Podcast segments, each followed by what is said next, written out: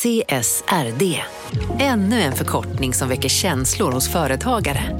Men lugn, våra rådgivare här på PWC har koll på det som din verksamhet berörs av. Från hållbarhetslösningar och nya regelverk till affärsutveckling och ansvarsfulla AI-strategier. Välkommen till PWC. Nej. Dåliga vibrationer är att gå utan byxor till jobbet. Bra vibrationer är när du inser att mobilen är i bröstfickan. Alla abonnemang för 20 kronor i månaden i fyra månader. Vimla! Mobiloperatören med bra vibrationer. Här ser ni bebisens lilla huvud. Åh, vad Men vad, vadå, menar du att huvudet är litet? Nej, det är väl som ett 18 volts batteripack från Bors. Vet du lite för mycket om byggprodukter? Vi är med. -bygg. Bygghandeln med stort K.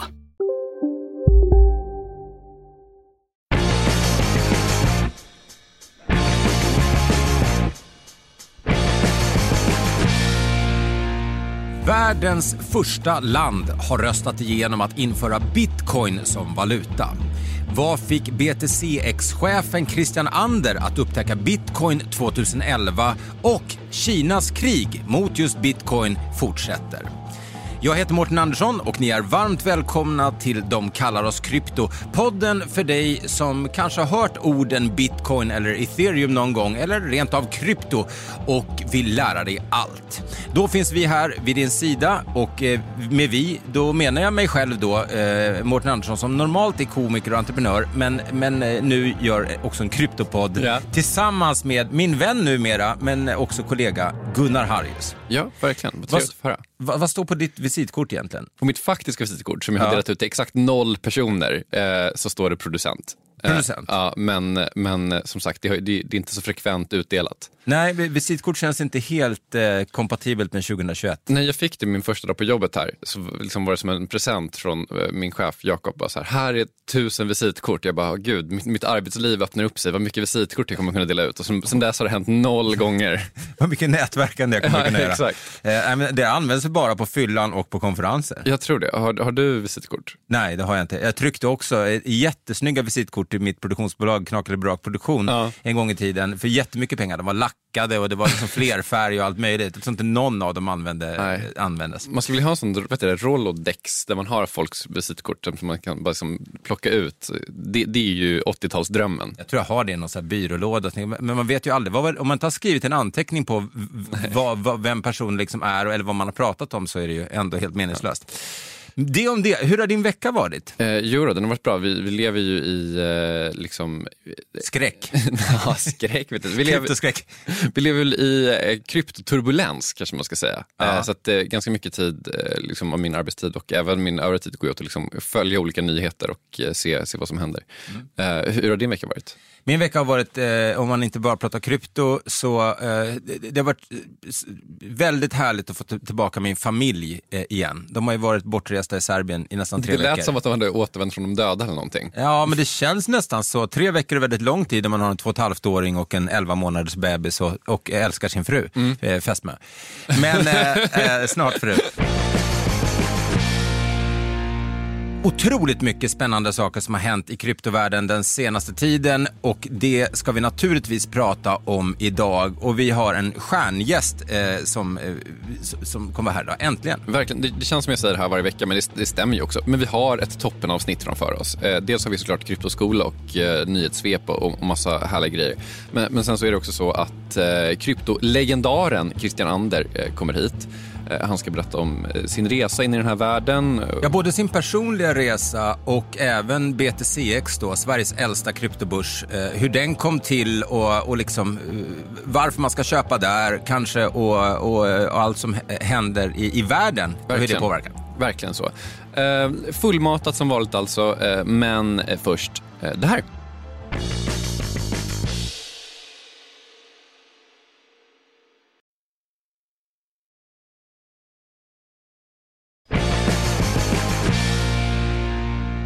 Som vanligt har vi väldigt, väldigt mycket att ta tag i. Eh, jag tänker det är läge att eh, ta in vår gäst som om man kollar på videoversionen av det här har suttit snällt bredvid tyst nu i liksom tio minuter medan vi gjort 2000 omtag.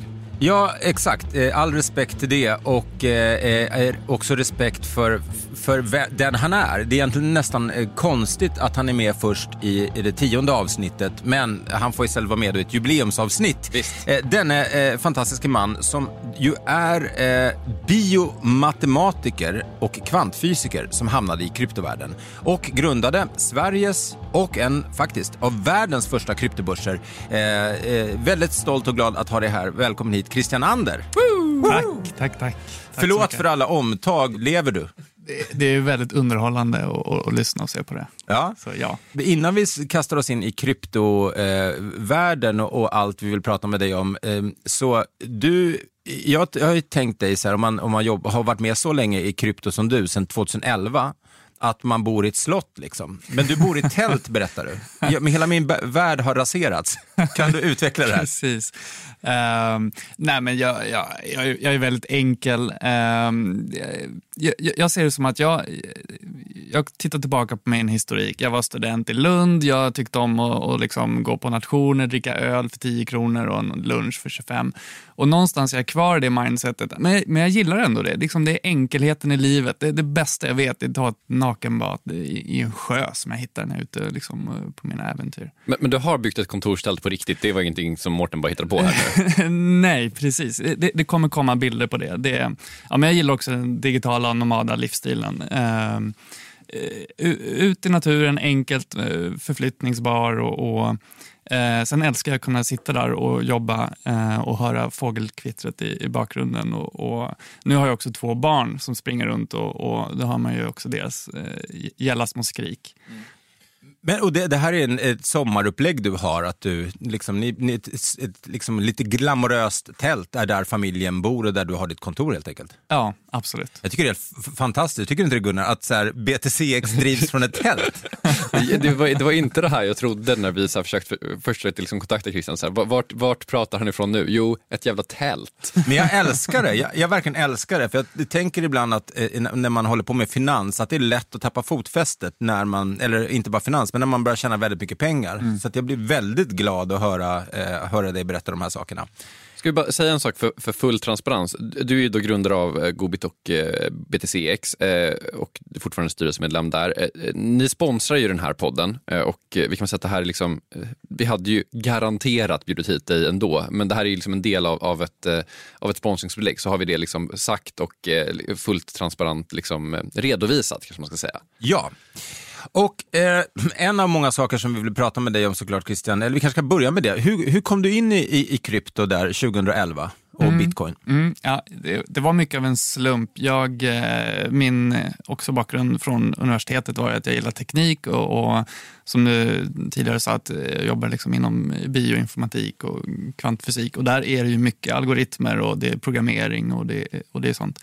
Så att när jag hittade hittade bitcoin på ett eh, open source-möte så förstod jag, liksom, jag gillade tekniken på en gång. Um, och, och, Det här var ju 2011, då, då, det fanns inte så mycket mer än, än, än teknik och, och, ett glatt um, humör. Vad är ett open source-möte för någonting? ja, men det, det, är en plats, oftast en liten lokal, eh, där entusiaster träffas som håller på med open source, delar idéer, delar kod, delar projekt med varandra där man eh, bygger framtiden. Och Det var mycket riktigt där eh, för min del bitcoin började byggas i, i, i liksom den, den svenska infrastrukturen. Mm. Och open source det är liksom eh, kodning som alla kan ta del av och eh, skriva om? Typ. Ja, precis. Och Bitcoin är ett open source-projekt. Just det. Och det, det är det som jag också brukar nämna när många säger att ja, men det finns ju bättre projekt än, än Bitcoin och, och, många, många eh, kryptokloner. Och det beror just på att Bitcoin är open source. Det, det, det förmanar folk att kopiera, pröva, experimentera och bygga vidare. Så det, det, det är ett synsätt som, som jag alltid har anammat och tycker är, är bra. Och den då som, som gjorde den, den här kodningen var ju Satoshi Nakamoto. Eh, mm. tror du att hans idé var just att, när man, att för att lämna det öppet för att inte för att folk skulle kunna titta på det och sen kanske vidareutveckla det över tid, eller? Eh, absolut. Jag säger som att det här är ju ett, ett, bidrag till mänskligheten i stort. Det är ingenting som han vill äga eller hon eller de eh, vill liksom, eh, slå mynt av på, på eget sätt. Sen så, eh, tekniken i sig var ju, den har ju liksom en, en, en ekonomi i sig. att Ju tidigare det är, desto eh, större sannolikhet är det att du, du kommer ja, in billigare om man ska se det, det ekonomiska. Och Det kommer också flyta in på det ämnet som vi ska prata om lite senare om, om eh, El Salvador. Mm. Eh, men men det, det, gör ju att early adopters gynnas ju extremt mycket när, när sådana här saker växer. Mm. Hur pass, eh, jag menar 2011, vad betalade du för dina första bitcoins? Nej men, jag, eh, ja, men jag, jag är teknologist så att jag, jag, jag köpte inga bitcoin utan jag satte igång och mina på min dator eh, första dagen jag, jag, hittade eh, tekniken och tyckte det var kul. Jag kunde öppna upp en, ett terminalfönster på min dator och, och skicka transaktioner. Jag hade ju ingen kompis att skicka det till då, mm. eh, så jag skickade ju mellan mina datorer. okay, bara se att det funkar typ. Ja, precis. Eh, men det, det var ju helt mindblowing för mig. Det, det, jag har hållit på med BBS och modem och drev en jättestor, eh, alltså innan internet, en, en BBS-system eh, i, i, i, Stockholm tidigare. Så jag gillar ju liksom kommunikation och det här fattar jag liksom att nej men det, det är ingen motpart här. Det, det jag skickar till ett nätverk som clearar och settlar det här automatiskt. Eh, och Jag tyckte det var jättefascinerande. Mm. Vi har bara doppat tårna i din eh, kryptohistoria. Eh, vi kommer återkomma till den. Men, men eh, först Mårten så skulle jag vilja att eh, du ger mig ett nyhetssvep. Vi börjar såklart med den historiska nyheten att El Salvador blir det första landet i världen att acceptera bitcoin som officiellt betalningsmedel. Den salvadoranska kongressen röstade natten till onsdag igenom ett förslag som innebär att bitcoin blir officiell valuta jämsides med US dollars och att alla banker måste acceptera betalning i kryptovalutan inom tre månader. Så här sa El Salvadors president Nayib Bukele under den historiska omröstningen då han medverkar i en intervju på Twitter Live. Using Bitcoin, accepting Bitcoin is going to be a mandate. So it's not like if you go to a McDonald's, they cannot say, we're not going to take your Bitcoin. They have to take it by law because it's a legal tender, just like any other currency in any other part of the world.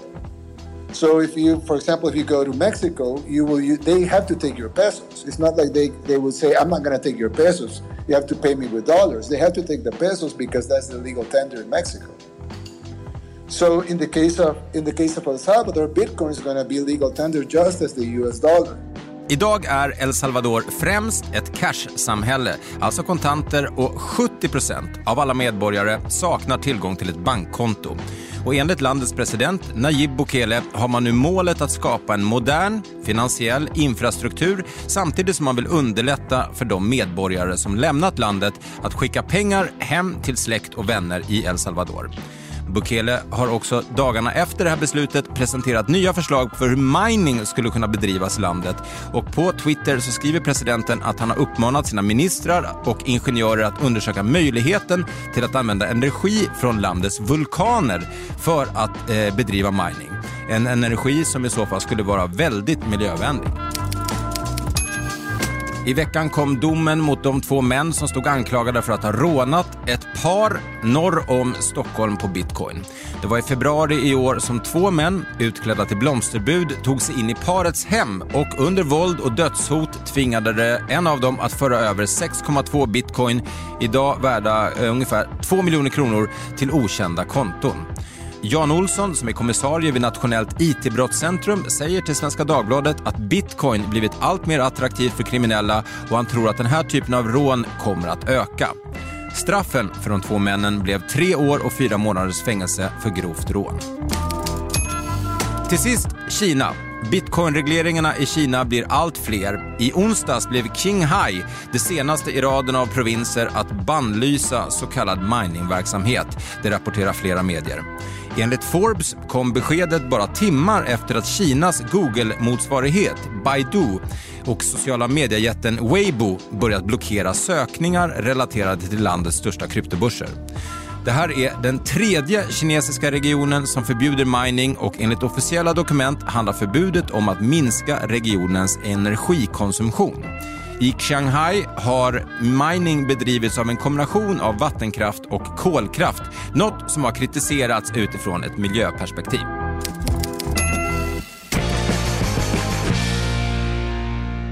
Ja, Christian, vi börjar väl med de glada nyheterna, de historiska nyheterna. Vad är din känsla kring El Salvador och det som händer och har hänt? Ja, men det, är, det är jättestort. Eh, när, jag, när jag lyssnade på det här eh, för första gången eh, två dagar sedan så eh, ja, men jag, jag, jag blev lite tårögd. Det, på något sätt så har det varit en, en lång resa för mig. Jag har hållit på eh, sedan 2011 och, och, min vision har hela tiden varit att nej, men det här kommer bli vår världsvaluta. Eh, sen hur resan dit eh, kommer se ut är det ingen som vet och, och, och, och liksom, eh, ja, alla utmaningar både för bitcoin men också för världsekonomin att, att anamma en, en, en öppen teknik som bitcoin är. Eh, och Det här visade ju bara på ett, ett ytterligare ett steg. Eh, för mig lite oväntat att det kommer just nu. Eh, det är såklart väldigt eh, välkomnande, eh, men det är ju det är jättestort. Eh, varför är det förvånande att det kommer just nu? Ehm, jag trodde att eh, fler centralbanker skulle börja eh, använda bitcoin först, inte ett helt land. Ehm, redan förra året, 2020, så började en centralbank att eh, lägga bitcoin på sin spreadsheet. och det var Irans centralbank och de har gjort flera olika uttalanden och, och, och, och regleringar kring detta. Eh, och Det är ju just för att undgå eller liksom säkra sitt eh, kapital eh, mot dollarn, alltså en hedge mot dollarn. Och Det är ju även sanktioner då som USA lägger ut till olika länder gällande det där. Ehm, och Jag tror att det, den vågen skulle komma först, men nu blir det som att båda Eh, de fenomenen kommer nu ske parallellt. Mm. Vilket, eh, det, det, det intressanta är att det, det, kan ju bli en eh, så kallad FOMO, alltså de centralbanker och länder som först eh, går in på bitcoin-standarden, de kommer in till ett betydligt lägre pris och kommer eh, få en, en ganska bra värdeutveckling på, på, på dem. Hur stor grej är det här? För det är så här, El Salvador det är ett litet land. Eh, första anblick kanske man kan tänka att så här, ja, vem bryr sig? Det är liksom en, en, en pytteliten liksom central mm. amerikansk eh, republik som dessutom, som du sa Mårten, är främst ett cash-samhälle just nu. Så, vad, vad, hur stor grej kan det här bli? Det är jättestort. Det är, alltså jag, jag jämför ju nu med ett annat liknande eh, land som är ungefär lika stort som var ungefär eh, lika fattigt som El Salvador var för 50 år sedan. Och Det är ju då Singapore som är världens rikaste land idag, alltså per capita. Och De har gjort en liknande resa. Det var en, en ledare som tröttnade på korruption och sa nej nu, nu jäklar, nu kavla upp ärmarna och, och, och, och gör någonting åt saken. Och det, det var ju bara en djungel och nu är det ju liksom en, en, en ett av världens rikaste länder. Och nu tror inte jag att El Salvador har samma resa framför sig, men, men det är mycket likheter. Det, det är en driven president som vill ta an eh, korruption, eh, använder sig av modern teknik och vulkaner. um, jag tycker att det är, det är väldigt humoristiskt att man, man säger att vulkaner är ren energi. Det, det är fruktansvärt. Alltså det sprutar ut all möjligt skit. Å andra sidan, det är ingenting som vi kan kontrollera över, så varför inte använda den energin? Då? Nej, men det är lite så man tänker snarare. Exakt, det är inte typ så att vulkaner är det renaste vi har, utan det är väl så här, de kommer ändå bara fortsätta brinna. Vad ska vi göra? Det är ju, jag vet inte om du hörde det, en vulkan. Så att, Nej, men det, det är jättestort. Eh, jag, jag, tror att det här kommer eh, sätta skruv i många liknande länder som inte har en egen eh, valuta. Alltså El Salvador har ju inte en egen valuta, de kör ju dollarn då. Och eh, vad jag hör så är de inte helt nöjda med USA utan USA sätter ju krav på El Salvador just för att eh, de har den eh, beroendet av USA. Och där har då presidenten tröttnat på att nej men vi vill inte eh, följa eh, USAs eh, pipa hela tiden, utan eh, vi, vi är ett suveränt land och vi, nu, nu gör vi någonting åt saken. Och det här är en, en motreaktion på den, eh, den monetära ja, sanktioner och krav som USA faktiskt har eh, i stora delar av världen. Vart, vart ska vi härnäst? Liksom? Vad ser du i spåkulan? Um, det, det, det, kommer bara fortsätta. Eh, jag tror att alla de länder som idag har eh, en, en, dålig nationsvaluta, alltså Venezuela och Argentina är ju ypperliga exempel. Sen så kanske inte de, nu vet inte jag riktigt vad de har för styre där, eh, men det kan ju bli så att folket inser att vi vill mycket hellre ha bitcoin som valuta som faktiskt ökar 200 procent årligen i värde, i snitt i alla fall, eh, jämfört med en valuta som minskar 200 procent i värde varje år. Um, men men det, det, handlar ju också om eh, vad liksom re, regeringarna världen över eh, vill, vill eh, ge till sitt folk. Och... Men, men förlåt, nu, ja. nu, nu går eh, praktiken i mig här. Alltså så här, det, det är såklart extremt opraktiskt att ha en valuta som, som tappar 200% i värde om året. Det är väl också, om vi ska vara ärliga, extremt opraktiskt att ha en valuta som ökar 200% i värde varje år. Det, det gör ju liksom... Ja, du kommer inte kunna köra um Eh, en, en monetary policy eh, så som du har när en egen valuta. Så jag tror ju fortfarande att du, kommer behöva två valutor. Jag tror om, om alla länder i världen skulle övergå till bitcoin som en valuta så, så kan man inte använda så mycket eh, valutaverktyg för att påverka ekonomin. Nej. Så det tror jag inte kommer hända. Men jag tror att det kommer vara som en, en hedge mot andra valutor. Och, och, man, och ja, om nu den nationella valutan tappar 200 procent om året så vill man ju nog hellre ha en som ökar. Men, men där ser jag, eh, ja men kan de inte lägga in eh, eh, Sverige som en eh, valuta? De får prata med Ingves lite och ja men den är ju ganska stabil. Mm. Nej men det, det, det jag tror är att man använder bitcoin som, eh, som ett sparkonto, men in, inte som ett spenderingskonto. Alltså det är väl det här som man pratar om, store of value. Eh, alltså mer då kanske överfört, snarare än liksom liknelsen pengar så är det liknelsen guld man brukar använda när man pratar om store of value. Är det lite det du är inne på? Ja, precis. Det var ju sista dagen på eh, Miami Bitcoin Conference som eh, på den st största scenen eh, som Jack Mallers gick ut och, och då presenterade det här tillsammans med presidenten. Och han har ju ett bolag som gör har en teknik för att göra pengaöverföringar som inte kostar någonting. Mm. Alltså noll. Mm. Så att, eh, bara så jag förstår här, eh, när vi pratar om hedge för El Salvador och så, men, men de kommer ju också använda bitcoin eller satoshi som man så vill, men, men som betalning ju. Jag tror ju kanske inte att det är det som kommer driva adoptionen, utan det är ju eh, Eh, de har ju ungefär 25 procent eh, remittance av pengar från eh, USA. Alltså från El Salvadorier i, USA som, som skickar hem pengar. Och det är det som är hotat. Det är det som USA eventuellt vill, vill försöka blockera och då eh, säger de bra, men då går vi över till bitcoin istället. Eh, sen så El Salvador själva, de verkar inte ha en egen eh, konto hos Federal Reserve utan de, de har ett vanligt Swift. Eh, konto där de skickar eh, dollar. Så det, de, de är ju väldigt eh, oinkopplade i det, eh, det, det, det, finansiella systemet. Så jag tror att bitcoin blir ju, är det stora en, en väldigt, väldigt bra integration till resten av världen.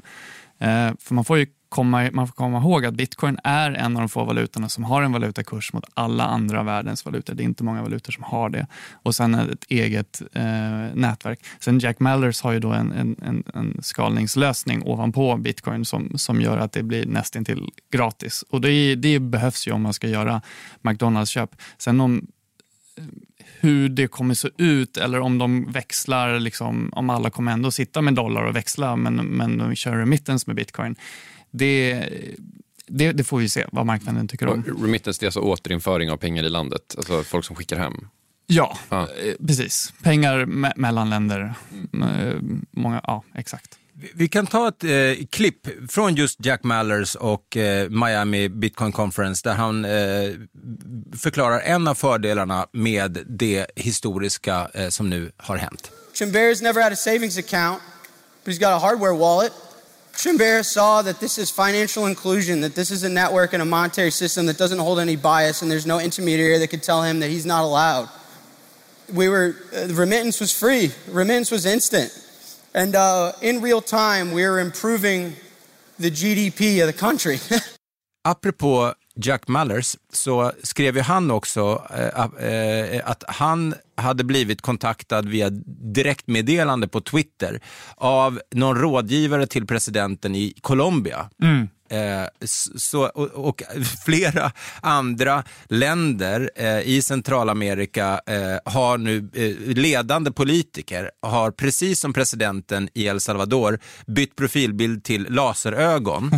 alltså, vilket är helt absurt om man skulle tänka sig eh, Stefan Löfven med laserögon eller Stefan Ingves. Ja, men, men det är nästan så att man, det blir lite, eh, inte cirkus ska jag inte säga, men, men, men det någonting bubblar ju verkligen i det. Och laserögon då är ju när man någon slags, liksom, verkligen är pro, pro, pro bitcoin och är på djupet har förstått och, och, och ser en framtid i det.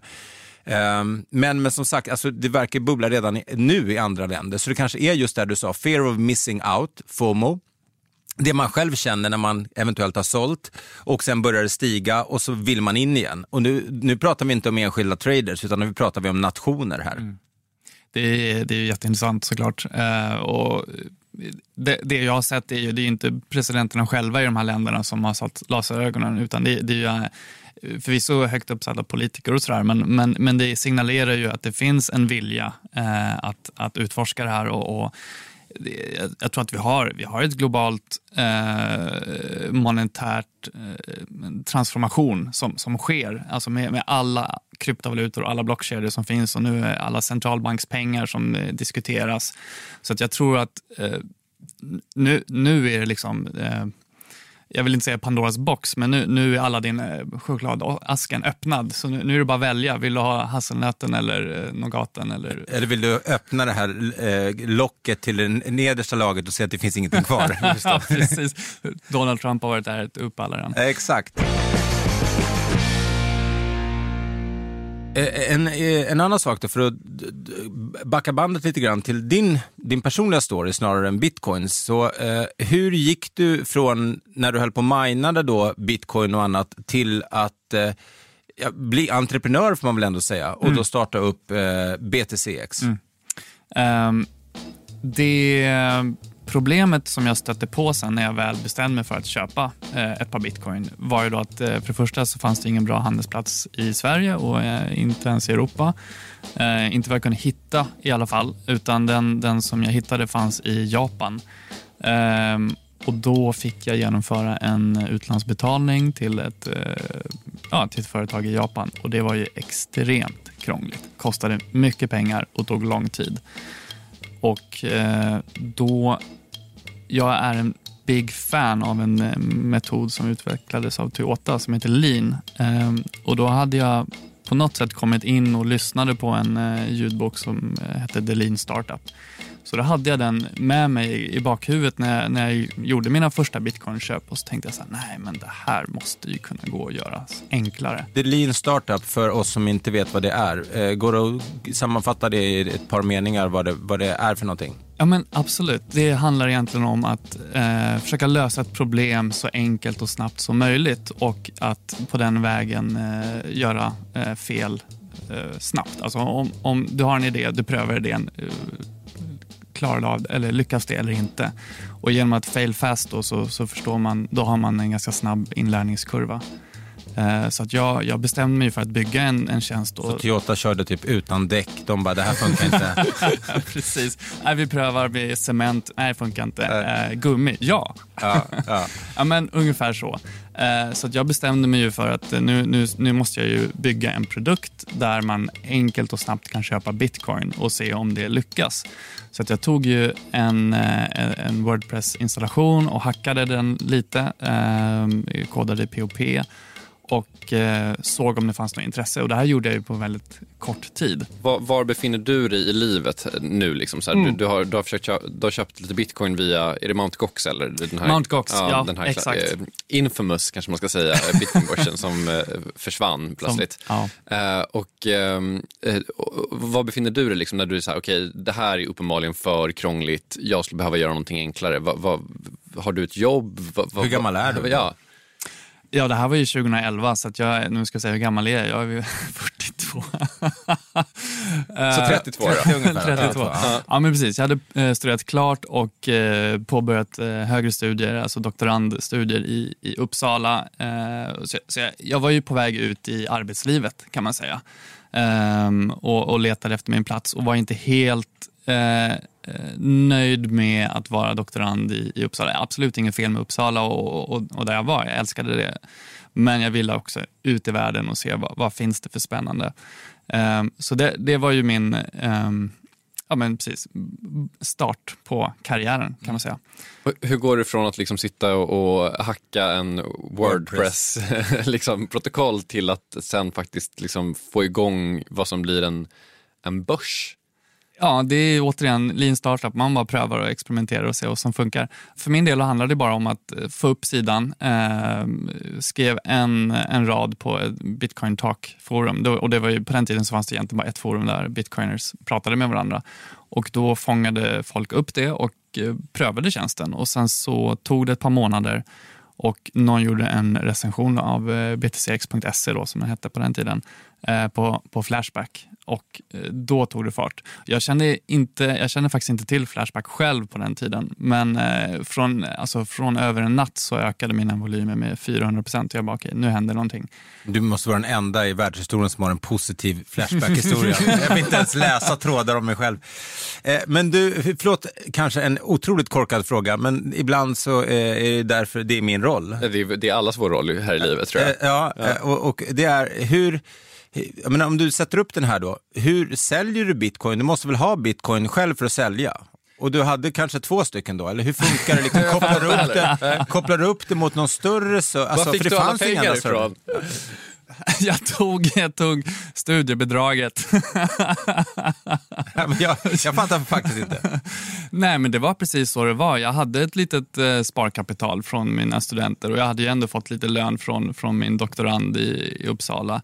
Eh, och, och jag, hade, jag, jag satt inte, jag, jag hade förvisso minat bitcoin, men det var inte de pengarna jag använde utan det, det jag satt med dollar i, på Mt. Gox helt enkelt. Så att när någon skickade in pengar, och det här var också innan eh, Swish, så det var ju banköverföringar. Eh, så att jag hade ju bankkonton i alla svenska banker. Okej, okay, så, så, bara så här, hur såg, om jag skulle köp, köpt på BTCX 2011, hur hade jag gått tillväga och vad hade du gjort då? Du fyllde i helt du, kö, du gjorde en eh, köporder och fick eh, en, ett bankkonto och en betalningsreferens. det var väldigt manuellt. Så, så, loggade du in på din internetbank och gjorde den här överföringen med den här betalningsreferensen.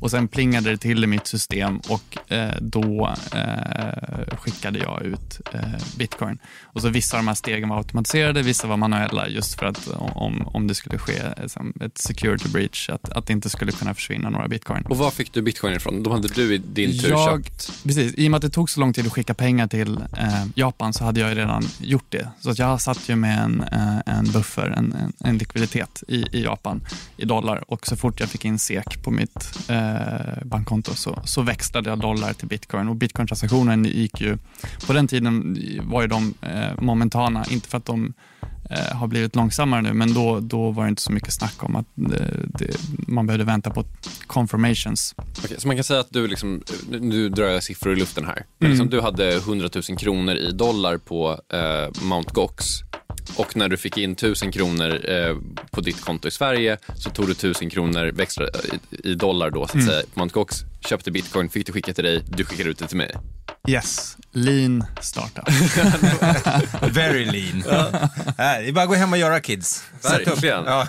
Okej, okay. och, och, finns det något liksom ögonblick där du tänker typ så här, ja vet du vad, det här kanske är någonting jag faktiskt skulle kunna ha som jobb typ, och inte bara hålla på med vid sidan av mina doktorandstudier? Jo, men det, när volymerna ökade 400% så insåg jag att, ja, men, okej, okay, nu kör jag på det här. Eh, och då fick jag starta eget bidrag, eh, så att man kan säga att eh, BTCX är statligt finansierat från början. Och, eh, och, och, ja, och då började jag helt enkelt se efter vilken är min första anställd. Vad sa de på, på eh, starta eget bidrag-kursen eller när du började berätta vad du skulle investera i? Eller? Ja, det är typ det. det är, ja, det, det är Arbetsförmedlingen. De har ju någon, någon, konsult. Nej, men det var, det var ganska kul. Jag, jag berättade vad jag, vad jag höll på med och vad jag skulle göra och att det fanns ett nytt finanssystem som heter bitcoin. Och 2011 då var jag nyutexad halvdoktorand eh, och, och, väldigt entusiastisk och gillade open source. Eh, så han, han såg en glad entusiast. Men han hade precis haft ett väldigt dåligt möte med sin bank. Alltså? eh, ja, det, det, det Så du kom som Messias? Ja, han, han, han, liksom, han bara garvade och bara approve. Ehm, just för att han, han såg också den här vinklingen att det, det, det är ett eh, ett alternativ till, eh, till banksystemet. Precis som El Salvador ser eh, det som också.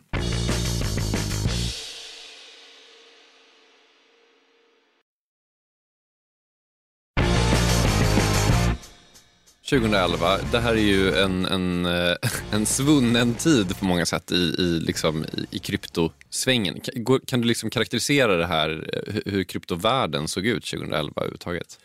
Absolut. Den var jag skulle säga betydligt mycket enklare i och med att eh, bankerna kände inte till vad det var, eh, stater och myndigheter kände inte till vad det var. Så det var ju verkligen en blue ocean och allt var möjligt och innovation och experimenterande. och du, du kunde ju egentligen bygga finansiella tjänster precis hur du ville. Nu, nu fick man ju inte göra det ändå, för lagarna fanns ju också reglerat på den tiden. Men det var ingen som, som förstod att eh, de implikationerna skulle komma eller fanns.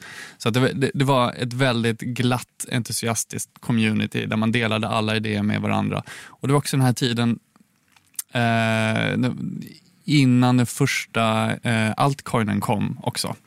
Eh, så det var ju, eh, det hände ju typ det året. Jag kommer inte ihåg exakt när Litecoin kom, men men eh, det var ju många eh, utvecklare. Eh, man satt på chattforum och, och, och skrev. Det, nu är det ju Telegram som alla skriver på, men det är så otroligt mycket finansiellt nu. Allt handlar om tokens och det ska vara investeringar och det är miljoner. Men, ja. men, när du sitter där, liksom, du har fått den här 400-procentiga ökningen via Flashback av alla ställen liksom, och, och, känner att okej, okay, det här är någonting du kan göra. När du liksom där och då, vad, vad, tänkte du att det här kunde bli best case scenario? Liksom? Nej, jag tror inte jag riktigt tänkte på det. Utan jag gillade tekniken och idén och egentligen ideologin bakom. Att eh, Jag tycker att eh, världen förtjänar ett öppet finanssystem.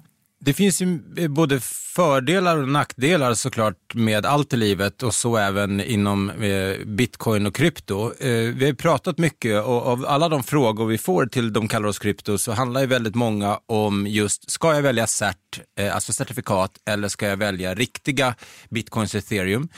Du och jag pratade ju på telefon och jag tyckte du ut, jag vet inte exakt om du minns vad du sa då, men, men jag frågade just så här, vad är, eh, vad är eran USP så att säga på BTCX? Alltså varför ska, om skattefördelarna är så många, i alla fall idag, på ett investeringssparkonto, varför skulle jag eh, handla riktiga bitcoins hos er? Mm. Eh, och du minns säkert det, men jag vill gärna att du eh, berättar det.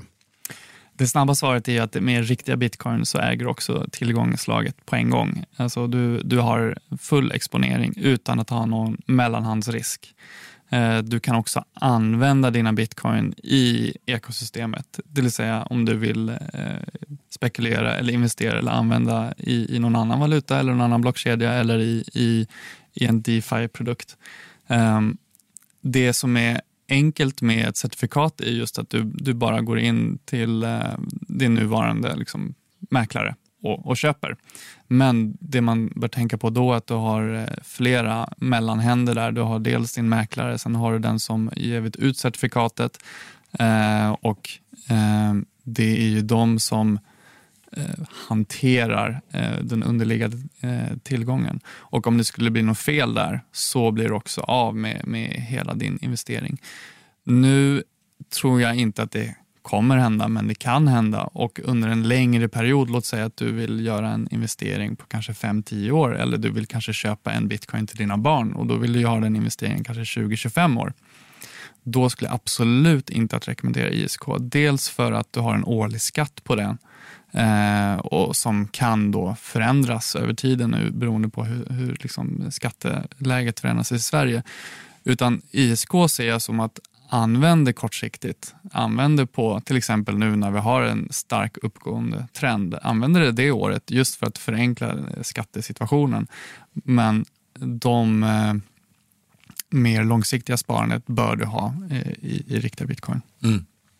För att en blockkedja eh, lär ju förmodligen vara kvar, men kanske en, eh, en, en nätmäklare eventuellt inte är. Sen vet man ju inte, det ligger på förslag nu, eh, många som är upprörda eh, kring att eh, höja skatterna på investeringssparkonto. Vi vet inte vad som händer än, det finns upprop mot att, eh, att eh, det här inte ska hända, så vi får väl se och återkomma till det.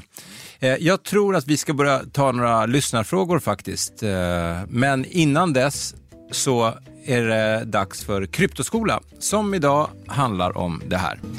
Kryptoskolan lektion 10. Proof of stake. Man pratar ofta om bitcoins energiförbrukning. Det är omdebatterat exakt hur mycket energi som går åt till bitcoin. Men alla är ändå överens om att det som slukar all energi det är säkerställandet av bitcoins blockkedja. Alltså den teknik som bekräftar att allting går rätt till på kedjan. Just bitcoin använder sig av något som kallas för proof of work. I korta drag så kan man säga att när ett nytt block ska bekräftas som äkta eh, så måste en miner eller en gruvarbetare, eller snarare en gruvarbetares dator lösa ett kryptografiskt problem. Man kan tänka på det som att det är säg 10 000 datorer som tävlar om att försöka lösa en svinsvår sudoku på kortast tid.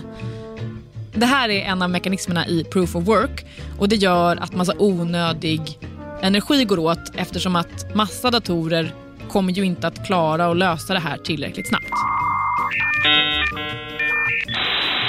Men det finns andra sätt att säkerställa en blockkedja Proof of Stake, uppfunnet av Bitcoinforumanvändaren Quantum Mechanic, är ett sätt som till exempel blockkedjan Cardano använder sig av. Istället då för att massa människor ska tävla om vem som har mest datorkraft så funkar Proof of Stake som ett lotteri. En användare väljs ut som får bekräfta, alltså validera, blocket och transaktionerna i det blocket och får som belöning transaktionsavgifterna. Vem som får äran att göra det här arbetet och alltså också få belöningen bestäms utifrån hur mycket pengar olika användare satsar. De lägger alltså in en stake. Man kan säga att du erbjuder till exempel eh, 10 coins som deposition, en garanti för att du kommer göra jobbet bra. Om du godkänner en transaktion som en annan validerare senare visar är felaktig, ja, då blir du av med de här pengarna. Du har alltså ett ekonomiskt incitament att göra bra ifrån dig. Ju mer pengar du är beredd att satsa i deposition, desto större chans är det ju att du kommer få validera blocket och ju större incitament har du att inte försöka blåsa alla. Det här systemet gör att det bara är en person som validerar varje block och det förbrukar därför betydligt mindre energi.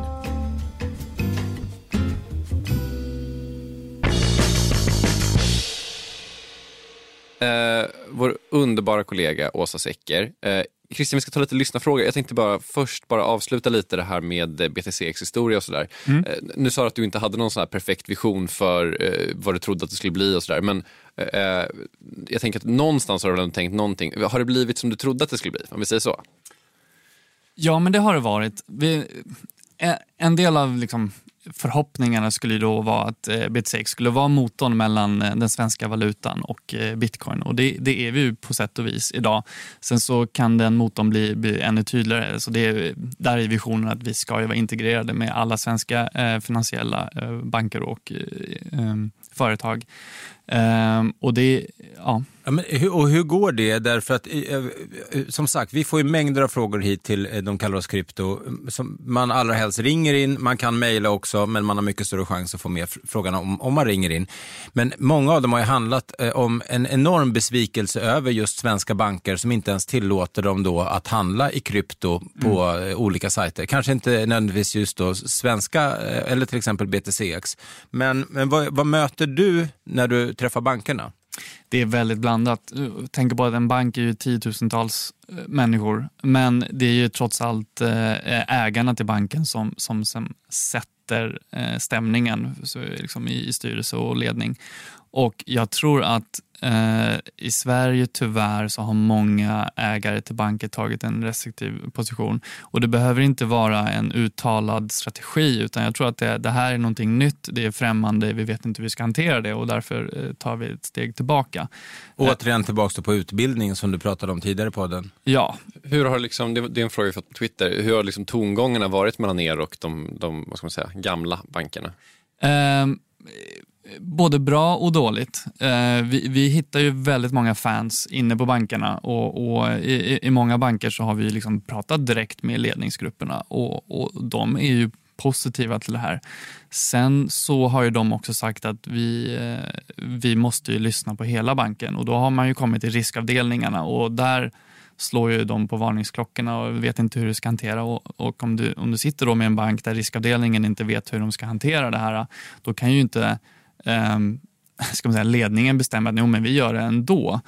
Uh, så det, det, är ju, det är ju riskavdelningarna på bankerna som behöver utbildas. Och Jag tror också lite det som El Salvador gjorde då, att det här, det här är mandatory. Ni måste utbilda er och staten hjälper er med den utbildningen. Det är ett steg att göra. Sen kanske jag personligen är emot att, att ta en sån väg. Jag tycker ju hellre att det att man, eh, man gentemot en bank ska hitta en affärsväg som gynnar båda. Och det är det vi hoppas men, men på. Finns det inte också lite, eh, nu gissar jag fritt här, men mm. om jag skulle eh, liksom drivit en, en, en kryptobörs hade jag kanske varit lite kluven till det här med de gamla bankerna. Så, säg att liksom jag på Handelsbanken skulle kunna köpa eh, bitcoin på en sekund, liksom, att de skulle kunna erbjuda, verkligen liksom omfamna hela den här världen. Mm. då skulle ni ha, plötsligt ha en jättekonkurrent på halsen. Det är just därför vi vill vara Handelsbankens motor och det är det som är vår eh, strategi. Att vi, vi vill ju bli de europeiska bankernas kryptopartner. Mm. Så då, då går vi, vi, vi går inte den här vägen att vi blir en egen bank och konkurrerar.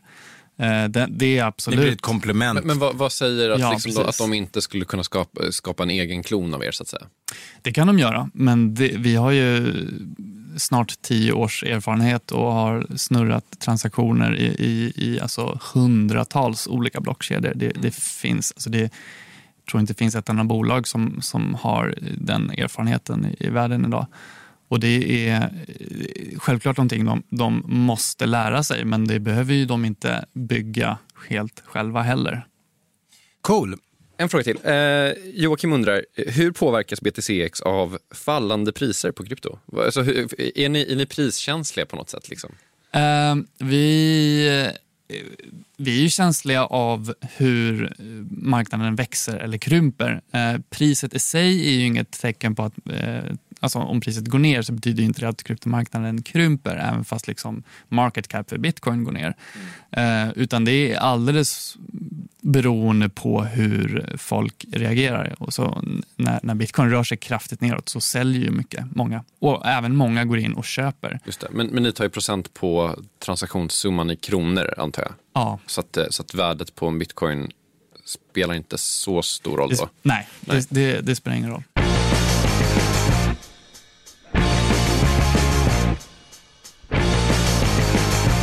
Jag vill bara göra en liten personlig reflektion. Och det, det har ju varit några skakiga veckor, eh, lite, det är väl näst, lite drygt en månad, eh, där jag har ju ganska, eh, även om jag är ny i krypto, eh, hyfsat djupförankrad tro på, på framtiden. På kort sikt så absolut, det är bumpy eh, just nu, men, men på lång sikt så verkligen tror jag på det. Men det jag tycker är så fint med den här podden är ju att varje gång vi har en gäst, oavsett om det är en gäst eller ett orakel, så blir jag så lugn. Jag bara känner så här, nah, det känns bra. så eh, det, det var väl en liten personlig reflektion. Eh, Christian Ander från BTCX och GoBit. Eh, det har varit jätteroligt att ha det här och höra eh, alla dina tankar och eh, historier kring, eh, kring krypto. Och ja. varmt välkommen tillbaka. Mm, tack. Ja. Jättetrevligt. Nästa vecka, eh, då har, har du koll Gunnar här, vad är det som händer nästa vecka? Det, det kommer handla om mining eh, nästa vecka, ett temaavsnitt på eh, hur det funkar. Eh, jag tror att mining-legendaren Sam Cole kommer hit. Jag, jag vet inte om det namnet säger någon, någonting, kanske inte värt att pusha på, men men det blir en mining special och jag skulle också vilja, jag har ju lobbat lite här på redaktionen för att jag också vill, skulle få in någon, lite som Christian gjorde, någon som sitter hemma och typ minar med brödrosten i stort sett. Just det. Eh, så att man får eh, aspekter av det. Inte bara någon som kanske har en serverhall eh, som är gigantisk, utan även mindre. Eh, har ni några tankar, idéer eller så frågor kring mining? Hör av er till oss. Vi finns på sociala medier där vi heter De kallar oss krypto. Utom då på Twitter där vi heter DKO Krypto. Precis. Och framförallt så kan man ringa in sina frågor. Ja, och då är det 010 750 0981. Vi blir så glada när ni ringer. 010 750 0981. Och vi hörs om ni vill nästa vecka. Vi som säger hej då och tack är eh, Christian Ander, Mårten Andersson och Gunnar Harrius. Hej då! Hej då! Hej då.